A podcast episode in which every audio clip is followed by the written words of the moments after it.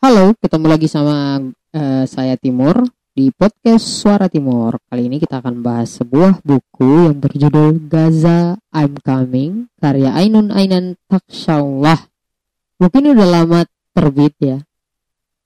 Tahun tahun berapa ini? 2012 2012. Oke, karena kita eh, bahas buku tentunya konsepnya Suara Timur ini nggak akan bahas buku sendiri, selalu punya orang untuk menemani. Dan kali ini kita bersama Iker Niatis Sandili. Dan- Yeay Kasih tepuk tangan dulu dong Ada tombol applause. Baik, Jadi, baik sekali Perkenalan ya, Iker Niatis Sandili ini bukan siapa-siapa. Iker Niatis Sandili ini adalah pembaca buku Gaza I'm Coming. Kebetulan dia yang punya buku ini. Ih, ini tahun berapa ya? 2012 2002. Oh iya. 2012. Kamu bacanya tahun berapa? Tahun yang sama Di tahun yang Eh, sama. Kalau bukan 2012 2013 2013. Ini motivasi baca buku ini waktu lihat di rak buku apa sih? Eh, Waktu kayak apa ya Eh, Saya harus memutar pikiran beberapa tahun lalu Oke, jadi waktu itu ini kan buku saya beli pas di di toko buku Ramedia, Ramedia Palu. Jadi waktu itu pas lihat covernya itu sama tulisan-tulisan di belakang, sinopsis-sinopsisnya itu eh, tertariknya karena berbau jurnalistik. Jadi ada salah eh dua orang tokoh di dalam novel ini itu seorang jurnalis di salah satu kantor berita yang sama. Bisa bacain cover belakangnya nggak biar penonton punya Gimana eh, kalau kamu baca sendiri? Gue ya. Kamu modal. Oke, eh, ini cover belakangnya, ini sinopsis kayaknya. Ya, sinopsis namanya sih kalau nggak salah. Oke, Devina Al-Azam atau Devin adalah seorang jurnalis perempuan muda. Ia lincah, bakcita dalam mengejar berita dan lihai dalam mengolah kata. Ia belum lama mendalami Islam, maka ia pun berusaha menemukan jati dirinya menjadi seorang muslimah. Gaza adalah tempat incaran dan harapan Devin. Ia ingin terjun ke sana secara langsung dan merasakan konflik di sana agar tulisannya memiliki ruh dan mampu mengetuk hati setiap jiwa dan akhirnya terkirim doa-doa yang panjang untuk mereka serempak mengetuk pintu langit dengan doa mereka, serta mengharap kebaikan bagi bumi Gaza. Keinginan Devin pun terkabul, kantor tempatnya bekerja menugaskan ia meliput keadaan Gaza selama dua pekan. Akan tetapi Devin ragu karena harus pergi ditemani seorang jurnalis cool bernama Michelle, yang tentu saja bukan mahramnya. Awalnya Devin sempat menolak, namun karena pertimbangan dari direktur kantor, akhirnya ia berangkat bersama rombongan dokter, yang di dalamnya ada seorang dokter perempuan yang bisa menjadi mahram sementara baginya. Sesampainya di Mesir sebelum masuk perbatasan Rafah menuju Gaza, sebuah kejutan yang tak diperkirakan sama sekali terjadi dalam hidup Devin. Yakni sang dokter memintanya untuk menikah dengan Michelle dengan pertimbangan keamanan dan perlindungan. Berat baginya karena ia tak memiliki perasaan apa pun. Michelle namun kepada Michelle, namun akhirnya ia menyanggupi dengan syarat hanya dua pekan. Oh jadi sign kontrak nih. Hmm, kesepakatan. Eh, apa Eh, ya, cerita- kontrak kan kesepakatan antar kedua belah pihak. Hmm, mungkin ya. Oke, jadi Eh. membaca buku ini tahun 2012 di tahun yang Hmm. sama ketika Hmm. buku yang terbit. Nah, waktu itu em, terus su- sudah berapa kali baca sih buku ini? Eh, tiga kali ya empat kali empat kali baca Oh, diulang-ulang ya. Oh, Anda Hmm. sangat suka sekali membaca buku. jadi pas awal bacanya ini kan dibaca dalam semalam jadi kayak sore siang menjelang sore itu saya beli bukunya terus baca sampai malam sampai malam sampai sampai dini hari bukunya habis dan beberapa bulan kemudian baca lagi. Kemudian beberapa tahun terakhir juga membaca dan belum lama ini selesai membacanya lagi. Jadi eh mungkin banyak yang tanya-tanya ya. Terus eh kenapa jadi saya yang oke oke kembali lagi ke timur podcast Timur. kita berdua dulu jadi gini ya intinya Ja- jadi karena udah berulang kali baca nih, jadi eh, ada nggak sih perbedaan pandangan dari baru pertama kali baca, terus kemudian diulang lagi, terus kemudian ulang lagi sampai kemarin kayaknya baru baca. Eh, sebenarnya sebelum sebelum punya beberapa pandangan soal buku ini eh, secara singkat selain yang sudah dibacakan di ini ya di sinopsisnya tadi jadi si eh, ini saya mau ceritakan sedikit eh, tentang Banyak nggak apa-apa sih. Ini podcast nggak terbatas. Oh, Oke. jamnya. Jadi si di Gaza Incoming ini ada dua orang reporter atau wartawan ya satunya itu si Devina dan satunya si Michelle. Nah, si Michelle ini sebenarnya digambarkan dengan karakter laki-laki yang cool. Selain cool dia juga tipikal ahi-ahi gitu loh. Hmm. Ah, yang menjaga pandangan, sa- enggak Oh oke oke. terus celananya cingkrang. Celana cingkrang, Mm. jangkutan, jangkutan. Ya, jenggotan tipis-tipis dikit lah. Eh, jidat hitam. Enggak digambarin Oh sih. oke. Sip.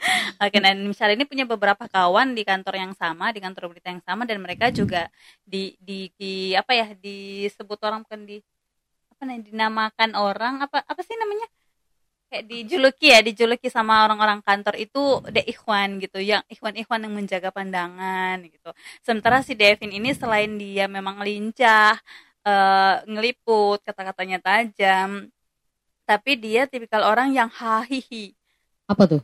kayak kalau orang Bugis bilang caleda apa sih? Oh iya, nanjodi, Ah, nanjodi. ah, ah, nanjodi begitu ya. Apa sih? Pokoknya dia tipikal orang yang karena nggak bisa diam dan dia Eh, selalu merespon. kali. Ya, kasarnya ya, kasarnya Eh, eh, eh. gitu. Eh, dia tidak bisa tidak bisa diam kalau misalnya ada yang ber- dibisandai, ada yang godain atau apa, dia pasti selalu respons apalagi kalau sudah sebal. Dan dia punya satu kawan juga di jurnal di kantor berita ini namanya Danu.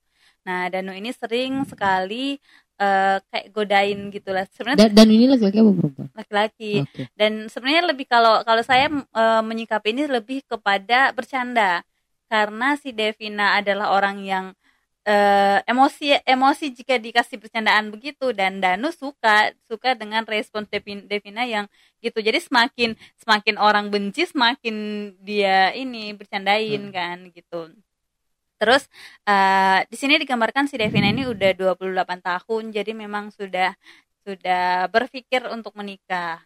Dan orang tuanya pun sudah menyuruh menyuruh menikah lah seperti itu. Cuman memang dia lebih fokus kepada impiannya untuk ke Gaza. Gitu sih. Berarti Devina nggak punya standar harus umur berapa gitu? Ah, ah, nikah? ditambah dengan dia memang baru-baru ini mempelajari soal Islam nah dia punya namanya Murabi Maya jadi Ah, dia Murabi Maya itu apa? Apa? guru ngaji Maya gitu loh Oh yang guru ngaji online online. Oke, Mm-mm, oke. Jadi dia dikirimi email-email tausiah soal eh, salah satu emailnya itu ada yang kayak Devin Ukti itu adalah seorang perempuan, Anti itu adalah seorang perempuan yang insya Allah solehah, yang bla bla bla dan seterusnya kayak itu. Pokoknya dia selalu dikirim kiri dikirimi email-email tausiah, email-email pembangkit semangat dan dia pun eh, terketuk hatinya dari situ, mendapatkan hidayah hidayahnya dari situ, kemudian eh, belajar mengenakan hijab, jilbab, eh, di berubah dari penampilannya yang dulu. Dulu dia belum me- mengenakan jilbab sekarang sudah ya. Walaupun secara umum penampilannya hanya diganti antara topi dan jilbab itu sebelumnya dia tetap sama tetap Berarti pakai tangan tangan pa- lengan Oh. panjang tangan panjang tangan panjang mencuri Oh, oke. lengan panjang celana celana jeans gombrang gitu gitu terus dia juga ngekos di kos kosan perempuan nah terus Jadi Devina setelah eh, ngaji nih, Mm-mm. ngaji ngaji online ya yang ngaji Mm-mm. online.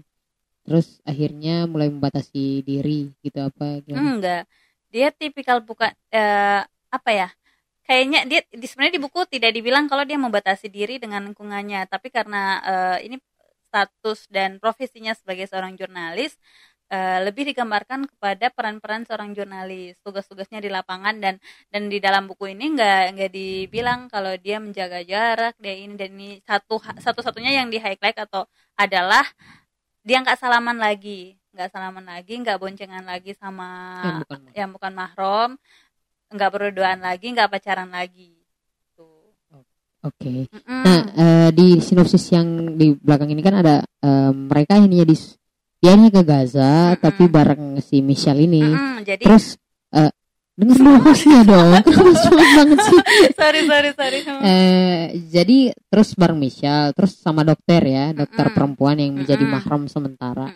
Eh, pengen nanya nih mahram sementara nggak usah nggak usah. Kan lanjut dulu ya lanjut ceritanya. Tapi kalau cerita panjang juga nggak apa-apa. Ya, Ah, eh, jadi ini ini ini. Terus eh, akhirnya mah eh, si dokter yang eh, cewek ini minta mereka untuk nikah nih. Ah, ah, Terus, jadi ceritanya Tunggu itu. dulu, ini ini. Eh dengar per- dulu ceritanya. Aku pukul Marjo. dengar dulu kasihan Devina kan dilangkahi ceritanya. Jadi Eng- enggak gini, ini langsung aja gini. apa Eh, ini dokter kok ngatur-ngatur sih gitu. Ini masa ini kan jodoh gitu kan.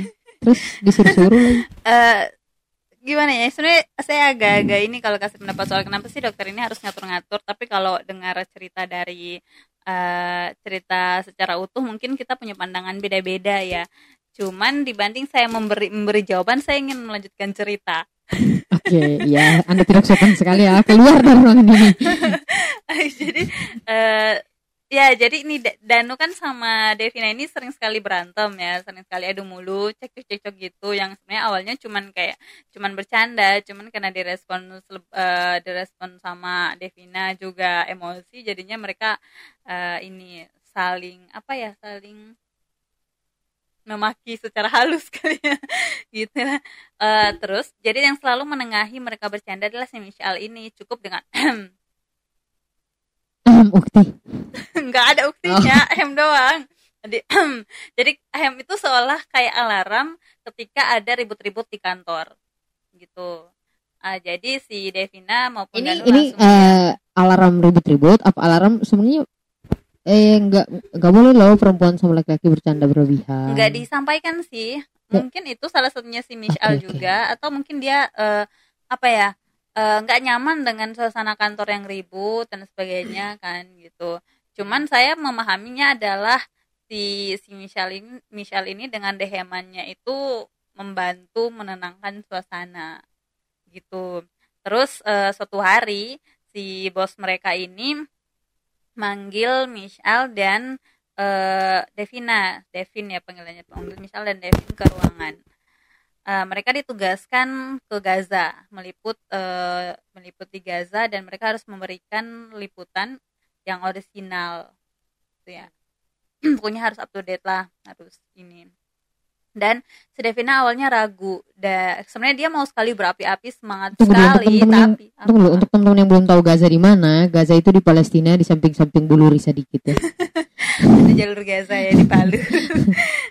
Oke, awalnya Devina kan senang sekali karena ini memang mimpinya untuk di, untuk ke Gaza karena dia beberapa kali mengikuti seluruh perkembangan di sana dan membaca banyak banyak eh, berita di sana jadi berita tentang di sana ya jadi eh, tapi karena dia khawatir dia nggak punya mahram untuk ke sana secara kan baru hijrah dan kan baru hijrah ya eh, mulai memahami mungkin ya si Devina ini dan tidak ingin ke sana tanpa mahram kemudian si ini, ini mahram fungsinya apa sih?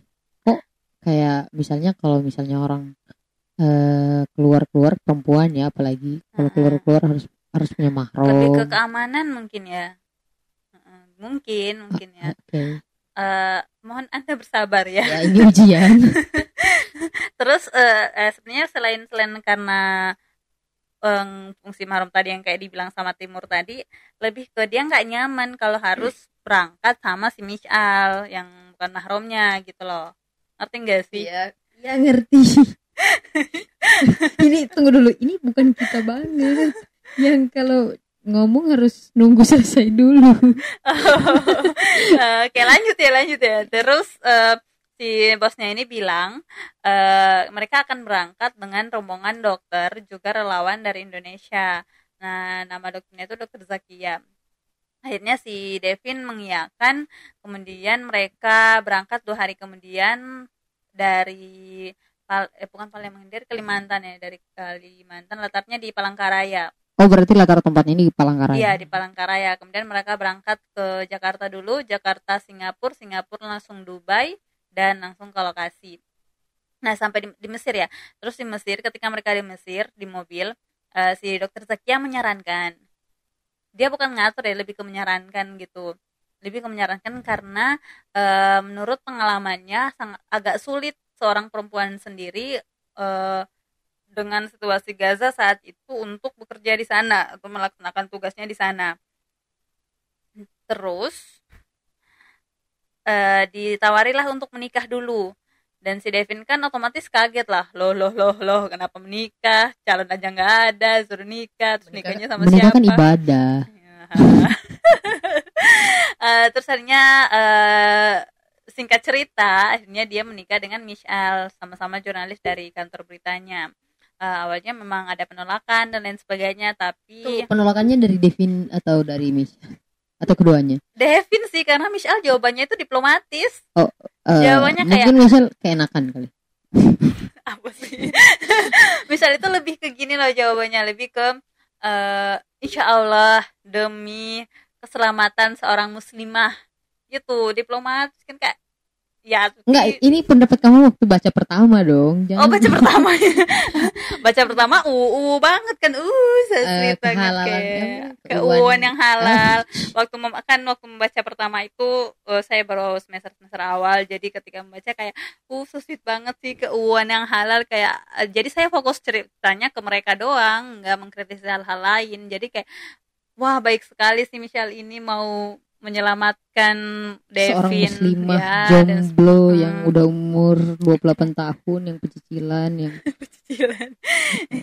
gitu. Jadi eh, mereka kemudian menikah di kantor berita KBRI Eh, habis itu menikah be- beberapa jam kemudian mereka ke, ke perbatasan dan berpisah dengan rombongan dokter. Si dokter ini sama suaminya.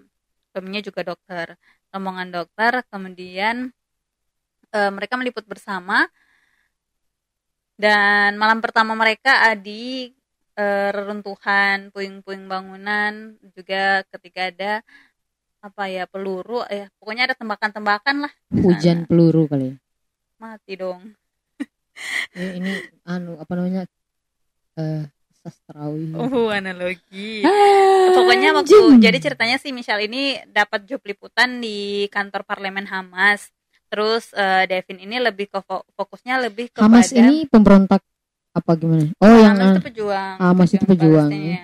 oh yang pemberontak ini Al Qaeda beda lagi oke Ah. intan pengetahuan eh, Hamas kantor kantor parlemen tuh kayak militernya mereka loh dari Hamas oh iya, iya, iya. pejuang-pejuang gitulah gitu Maaf ya, ya. kalau nggak salah ya pengetahuan terus eh sebenarnya tugasnya si Devin lebih ke di shelter di shelter perempuan sih pengungsian perempuan. Lebih ke bagaimana eh, perempuan-perempuan yang ditinggal suami anak-anak yang ditinggal orang tuanya. Tapi lebih ke fokusnya eh, lebih ke perempuan bidang-bidangnya perempuan. Oh berarti emang itu keputusannya Devin untuk meliput bidang perempuan bukan karena tuntutan kayak perempuan harus bareng perempuan enggak kan mereka di berbagi negara, tugas. negara, negara Arab kan kayak gitu. Mereka berbagi tugas karena memang supaya eh, eh, agak mudah safe. dijangkau ya. Kemudian memang narasumbernya pun orang-orang sana pun lebih lebih apa ya lebih nyaman. nyaman ya Kalau- perempuan-perempuan ya. dan perempuan mungkin ya gitu.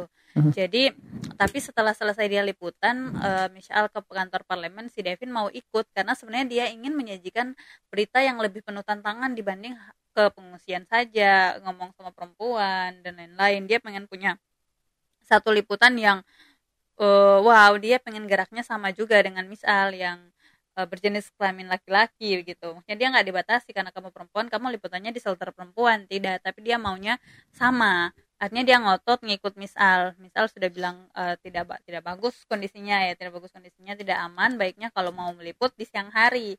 Eh, taklukkan Gaza taklukkan debu-debu Gaza dengan kameramu di siang hari itu ya sih misalnya oh jadi masalahnya tipe tipe tipe pelindung. Ya pelindung-pelindung yang uwu saat itu. Saat kamu baca pertama kali. Pertama kali. Oke. Hmm, eh, terus akhirnya mereka s- eh, karena ngotot istrinya ngotot jadinya eh, tapi sebenarnya agak masuk akal juga ketika si si Devin ngotot Devin bilang eh, katanya kamu menikahiku karena ingin melindungiku kenapa malah meninggalkan? Dia bilang begitu. Hmm, ceritanya kan dia mau ditinggalkan di shelter gitu jadi ini Devina maunya mereka bareng mau terus ya sebenarnya si Devina maunya ini maunya apa maunya meliput tidak dibatasi gender tapi kan kalau melindungi kan berarti aku harus ada di situ di samping kamu Uh, uh, itu maksudnya Devina. Hmm. Eh, maksudnya Devina ke misal, misal itu mau mau menikahi Devina untuk melindungi, kan Hmm. ya? Eh, ada tadi surat. mau meni- eh, melindungi, tapi si misal malah meninggalkan Devina dan pergi meliput di lingkup lain. Jadi Devina ngotot, ikut uh, uh, supaya tetap dilindungi kan Oke. maunya maksudnya si Michelle begitu pas mau menikah Ya berarti harus bareng-bareng mulu. Ha mungkin ya terus tapi belum sampai ke parlemen itu sudah di sudah dapat masalah dapat halangan ya dapat halangan ada tentara Israel yang ini menembakkan menjatuhkan bom kemudian mereka harus menyelamatkan diri dan lain sebagainya. Akhirnya mereka tidak sampai ke kantor parlemen tapi menghabiskan malam pertama mereka di puing-puing menunggu sampai pagi menunggu sampai aman lah nah setelah itu akhirnya eh, Devina mengalah di situ dan kembali lagi ke shelter perempuan si eh, si suaminya yang ke ini parlemen Hamas. Nah, singkat cerita di bagian terakhir ketika segala macam eh, Devina kena rudal dan balik ke Indonesia, kemudian mereka balik lagi ke ke Gaza meliput yang kedua kalinya.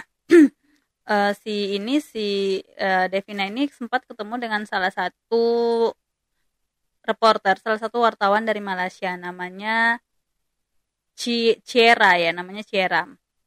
Kemudian karena saat terkena rudal, ada satu wartawan juga dari Indonesia yang menolong Devina. Dia menarik rudal ini bentuknya bagaimana sih?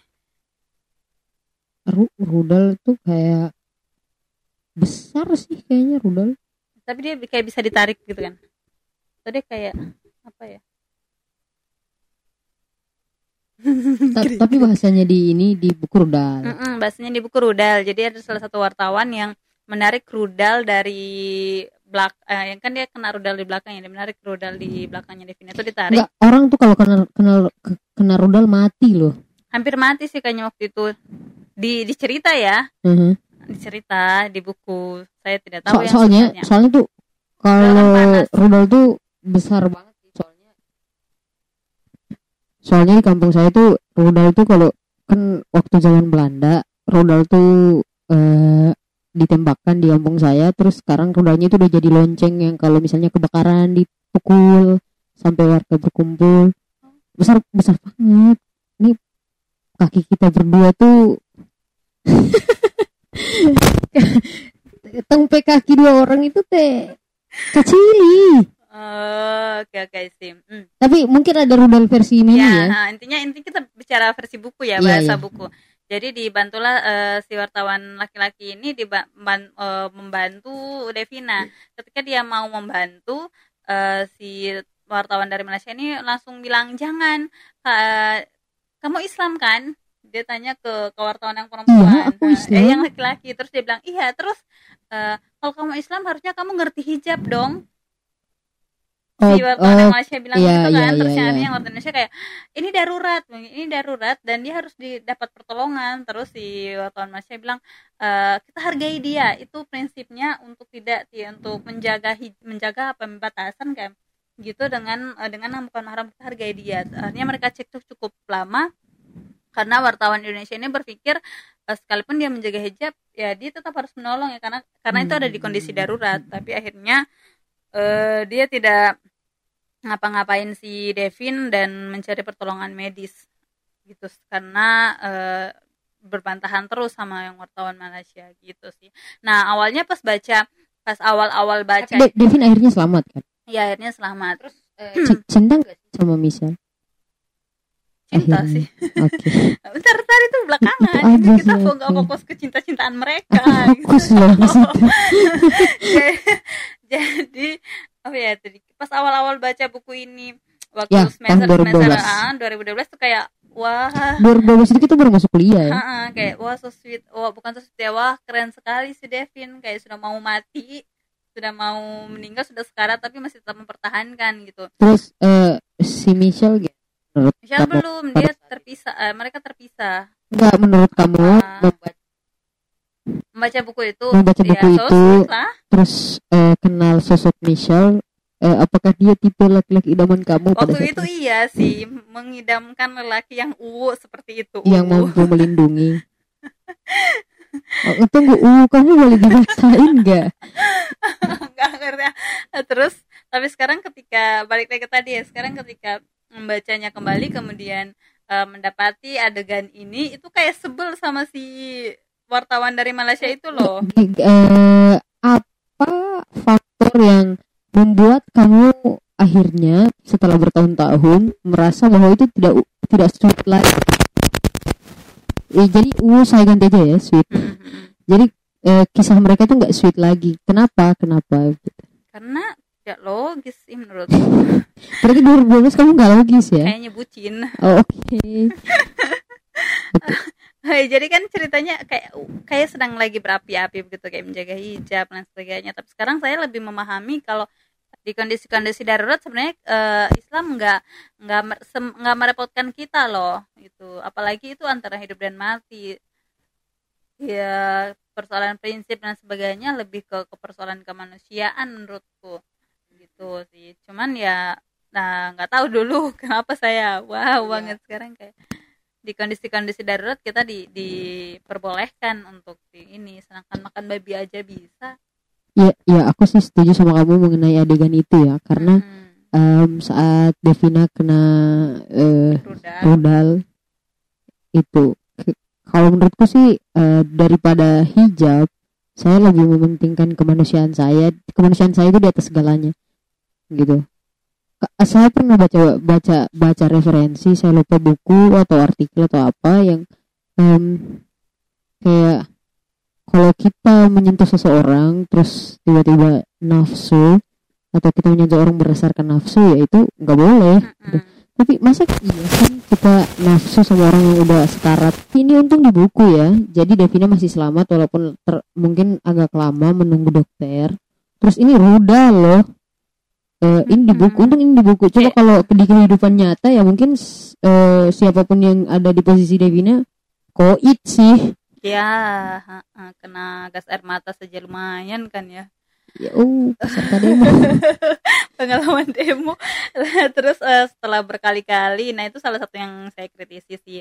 Tapi pada endingnya mereka berdua eh, jadi saling menyukai karena mungkin kebersamaan ya perasaan itu bisa berubah perasaan itu bisa hadir seiring dengan kebersamaan dan lain sebagainya gitu kan. Ya. Jadi Michelle dan Devina ini kemudian bersama meliput kembali ke Gaza dan eh, si si Devina penasaran dengan siapa sih sebenarnya murabi mayanya ini? Namanya nama emailnya itu Afro Afrous begitu nama nama emailnya. Akhirnya dia bermas- berharap masih bisa ketemu dengan eh, murabi mayanya ini. Nah ketika di Mesir di salah waktu satu itu eh, apakah Mur- dia udah tahu kalau Murabi Mayanya ini em, apa namanya? Siapa begitu? Dia siapa? Belum cuman dia tahu Eh, namanya karena jenis kelaminnya mungkin. laki-laki. Dia, Dia tahu laki-laki karena eh, nama Afros itu muncul di salah satu undangan yang min- meminta dia untuk jadi pembicara di salah satu event. Kemudian dia sempat mencari tahu tapi belum pernah ketemu orangnya. Gitu. Jadi dia penasaran dan sek- sekadar untuk berterima kasih atas tausiah tausiah mayanya seperti itu sih nah jadi ketika di Mesir ketika suaminya lagi sholat subuh ya kalau tidak salah. Jadi si Devin ini meminjam laptop suaminya untuk mindah foto-foto dan mengirimkan ke kantor. Ketika dia mengirimkan di mengirimkan email dia lihat eh, email itu akun email itu akunnya si Afrose itu. Dan dia kaget karena mengira itu akun suaminya dia mengira kalau Afrose itu adalah Michelle akhirnya mereka sempat cekcok-cekcok eh, salah paham salah paham dikit beberapa waktu dan belakangan diketahui kalau si Murabi Mayanya ini namanya Fakih Fakih ini eh, adalah teman Michelle, teman reporter Michelle juga dari kantor kantor berita yang berbeda, Oh. kantor berita yang berbeda. Tapi sebenarnya dia kakak kelasnya si Devina, SMA AA SMA. Terus eh, dia mulai memperhatikan Devina, menyadari kalau Devina adalah bibit unggul, bibit unggul ini bibit muslimah. unggul apa ya? kayak Maksudnya lebih ke orang-orang yang cerdas cerdas ya yang cerdas yang punya kapas eh, yang kompeten lah yang punya kapasitas dan sejenisnya bahasa-bahasa yang bisa ditujukan kepada Devina intinya dia eh, intinya Devina ini ini apa orang-orang yang akan wow gitu. Di kemudian hari. Ya dia menyadari kemampuan Devina eh, meliput kemampuan Devina yang cekatan dan lain sebagainya. Jadinya eh, tapi dia menyayangkan karena Devina tidak berjilbab. Oh, jadi Gitu loh. mungkin tujuan Jadi dia ingin menggiring supaya Devina Devina hijrah gitu di email-email tausiahnya itu. Jadi sejak lulus SMA dia mulai rutin mengirimi Devina email. Sampai akhirnya eh, di email kesekiannya Devina mendapatkan hidayah dari situ untuk berjilbab. subhanallah. Nah, waktu itu waktu membaca di tahun 2012 saya kayak wow, saya tidak fokus ke Ya, soalan Jadi fakih tunggu sih. dulu, jadi kamu pengen nerima email dari Murabi Maya gitu. Enggak lah. Nanti aku cariin. Jadi eh, tapi sekarang pas membaca eh, ada satu krit, eh, kritikanku sih sebenarnya lebih ke pendapatku. Kenapa sih harus harus dijaga begitu? Kenapa sih harus kamu kirim email kal ya ya kalau menurutku kalau jadi fakih eh, kalau kamu suka dan kagum atau ngefans sama Devina, kenapa harus di email-email dunia maya dengan catatan ingin menjaga dan lain sebagainya? Em, kalau brutalnya adalah kenapa tidak tidak kamu saja yang datang ngelamar Devina. Toh pada masa itu Devin eh, Faki ini adalah sosok kakak kelas yang dikagumi Devina. Jadi ya kalau berdasarkan hitung-hitung perasaan, kalau waktu itu Faki ngelamar, kemungkinan besar 80% Devina akan mau. Mungkin Fakih nggak punya peras nggak punya perasaan eh, mendalam kali ya, suka gitu ke Devina. Nah, Ah, entah sih, cuman cuman saya masih merasa janggal dengan maksudnya nge-email-email ngasih tausiah eh, dan lain emang sebagainya. emang kenapa kalau ngasih email? Ada ada nggak sih kayak larangan atau mungkin kamu emang nggak Eh, pribadi saya nggak strike gitu. yang kayak begitu sih pribadiku nggak strike lebih ke kesannya apa? modus modus gitu kan nah ini ini kenapa akhirnya saya ngasih kritikan kayak gini atau ngasih pendapat ini karena sebenarnya eh, bukan sebenarnya sih karena di di ending si Fakih bilang gini ke Mishal Akhi Ya ukti. eh, sekarang aku serahin eh, Devina ke kamu. Tugasku sudah selesai. Sekarang tugasku akan dilanjutkan ke kamu, ke kamu sebagai suaminya. Sejak kapan? Sejak kapan kamu? Sejak kapan kamu bertugas Sejak kapan kamu ditugaskan untuk menjaga Devina? Ya, menjaga anak jadi orang kayak, lain? apa? Uh, nyebelin, kerengket dah. Emosi, emosi deh Fakih. Mungkin dia punya misi tersendiri ya saat lahir. Kayak ya Fakih, kamu harus menjaga. Kak, nyebelin. Tugasnya untuk menjaga Devina dan apa gitu. Sabar. Eh, bernapas pelan-pelan. Dari mulut terus keluar dulu. gitu nah dan Gitu setelah ya. dia setelah Devina eh, punya suami dia kemudian menyerahkan Devina kepada suami dengan kata dengan kat- eh, kalimatnya kalau tugasnya sudah selesai dia kemudian mulai mencari eh, target lainnya dia mulai Yang, mencari yang target untuk lain di untuk eh, dibimbing dibi- secara aduh, online bimbing, bimbing secara aku dunia mas. maya secara email kayak Nah gini, pas dia nyerahin Devina ke mm, nyerahin barang kali. Pas eh, dia ngobrol sama Michelle soal itu, Michelle nggak kayak apa? Ternyata kamu udah membimbing duluan.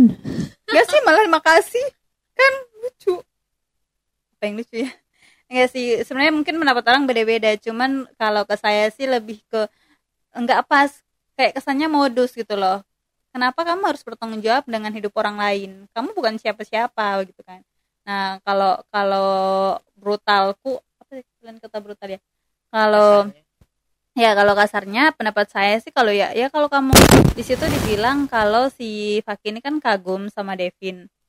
Sejak SMA dan dia tahu banyak soal Devin kenapa tidak Mungkin belum ada keberanian Fakih kali ya untuk eh, menyatakan perasaannya ke Devina. Terus mungkin setelah dia tahu Michelle udah nikah saat itu sama dia ya dia merasa udah nggak punya harapan. mungkin ya Iya, atau tapi- dia kayak apa ya sedang di- menjaga menjaga menyiapkan jodohnya menjaga-jaga jadi Eh, dia yang menanam harapan terus eh, orang lain yang memupuk. menuai.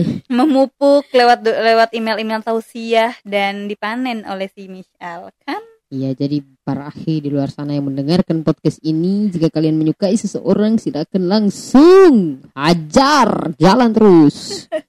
Maksudnya ke orang tuanya ya, jangan di ini, jangan di email-email kayak gitu. Itu sih nah terus karena pas sekarang ketika saya membaca sekarang selain mengkritisi soal tadi uh, saya juga mengkritisi kayak ini kan memang novel yang berbau jurnalis ya.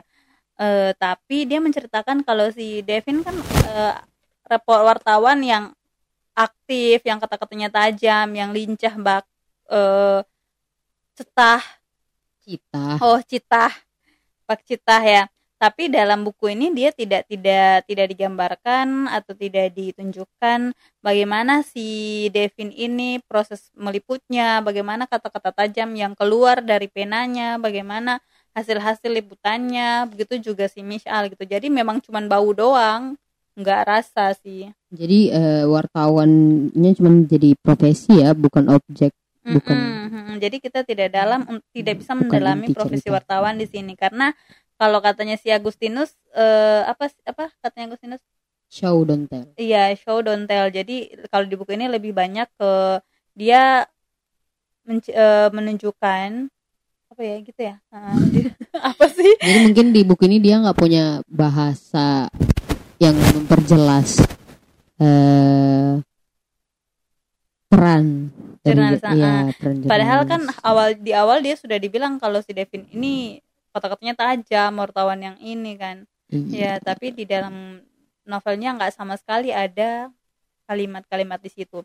Bahkan yang sayang sekali kalau menurut saya ketika dia ada di shelter perempuan tidak ada dialog-dialog yang lebih menunjukkan kekuatan-kekuatan perempuan bertahan di tengah perang Iya, betul sekali uh, sih. Perjuangan-perjuangan mereka ditinggal suami. Ya, mungkin dengan membesarkan anak, anak para perempuan-perempuan, para ibu-ibu yang ditinggal suami dan kemudian membesarkan anak-anak mereka, bahkan mungkin mereka juga cacat, terkena peluru, terkena apa.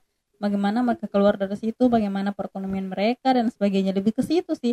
Dan dan sama sekali tidak tidak ini tidak tidak dimunculkan adegan-adegan itu atau sin-sin bagian situ cerita-cerita bagian itu tidak ada sama sekali juga di si si Michal juga begitu. Misal ini kan dia di kantor redaksi kan dia di redaktur uh, rubrik Sakofah kalau nggak salah namanya. Kemudian dia ke kantor parlemen Hamas dan di sana sama sekali tidak membahas soal uh, nggak soal soal peliputan gitu loh. Jadi jadi jadi cuma mengatakan kalau dia ke parlemen Hamas untuk wawancara dan mendapatkan hal yang benar-benar tidak didapatkan oleh reporter atau wartawan lain. Tapi hal-hal apa itu nggak ada, jadi kita ngawang-ngawang. Itu kalau dari sisi jurnalisnya, sisi jurnalistiknya. Uh, saya belum membaca ya buku ini, tapi uh, dari ulasan tadi, um, mungkin pendapat saya sekali lagi ini hanya uh, pendapat sepihak ya. Um, pendapat saya mungkin uh, Gazam Coming ini emang nggak um, nggak menceritakan soal Gaza secara utuh. Nggak menceritakan soal jurnalis. uh, soal peran jurnalis secara kafah iya. Dan uh, bagaimana uh, bagaimana ia datang di sana terus uh, menggambarkan Gaza kesulitan-kesulitan uh, manusia-manusia yang tinggal di Gaza, kebahagiaan mereka di tengah-tengah uh, kesempitan ruang yang dikepung oleh Israel gitu. Tapi lebih ke mungkin hanya mencomot ini kali ya mencomot latar tempat sebagai eh, latar peristiwa mereka eh, karena eh, di sana kan ini di sana kan perang ya. Jadi lebih dramatis sekali kalau kalau latarnya di sana gitu kisah cinta mereka. Karena dari review kamu tadi ini eh, yang diceritakan tuh hanya soal kisah cinta mereka berdua di sana. Bagaimana mereka nah bagaimana mereka struggle, struggle di di ini di di Gaza ya. Jadi kalau misalnya kita mau uh, kita rindu Palestina kita ingin membaca Gaza lewat buku ini kayaknya nggak recommended kali ya. Karena itu nggak membahas soal manusia-manusianya Gazanya di sana gitu tapi kalau mau um, membaca soal cinta yang ungu yang sweet di tengah perang uh, yang kayaknya ini rekomend untuk kalian. Jadi yang dibahas sama Timur tadi kalau soal uh, menceritakan tentang Gaza secara utuh memang kita hanya mendapatkan sedikit saja kepingan-kepingan kalau di novel ini. Tapi uh, dari dari yang saya baca cukup cukup mengorek-ngorek isi perut kita, bikin kita mual tentang kebiadaban-kebiadaban yang terjadi di sana. Eh, jadi tetap recommended sih kalau menurut saya. Cuman untuk belajar dari sisi jurnalisnya, sisi jurnalistiknya. Kalau untuk dedek-dedek soleha, tetap recommended sih buku ini untuk dibaca. Tapi ya jangan berharap mendapatkan tausiah online ya. Rajin-rajinlah datang kajian. Mm-mm, jadi ya belajar hijrah dan sebagainya itu juga lumayan membingkai cinta dalam uh, hubungan yang halal dan sebagainya juga juga di sini lebih fokus, lebih fokus ke situ sih lebih fokus ke situ dan biar cinta mereka kuat dijaga sama Allah dan sebagainya maka ditaruhlah latar belakang tadi uh, latar belakang perang latar belakang ini dan itu. Itu sih soal Gaza I'm coming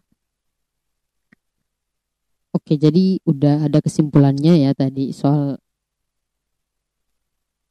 uh, ada kesimpulannya mengenai mengenai buku ini. Jadi um, buat yang mau baca boleh silahkan. Tapi kayaknya masih ada nggak sih ini di toko-toko buku? Enggak ya. Bisa dipinjam di Ikir kayaknya. Di laboratorium aksara di Jalan Setiabudi. Nanti hubungi aja dia eh, Instagramnya apa? At Ikerniati Sandili nanti DM aja di situ. Jangan dulu lupa follow dulu ya sebelum DM biar nambah gitu followersnya. Oke sekian dulu dari kami eh, karena udah ada tamu yang datang. Ngana belayan jadi itu tamu. Oke bye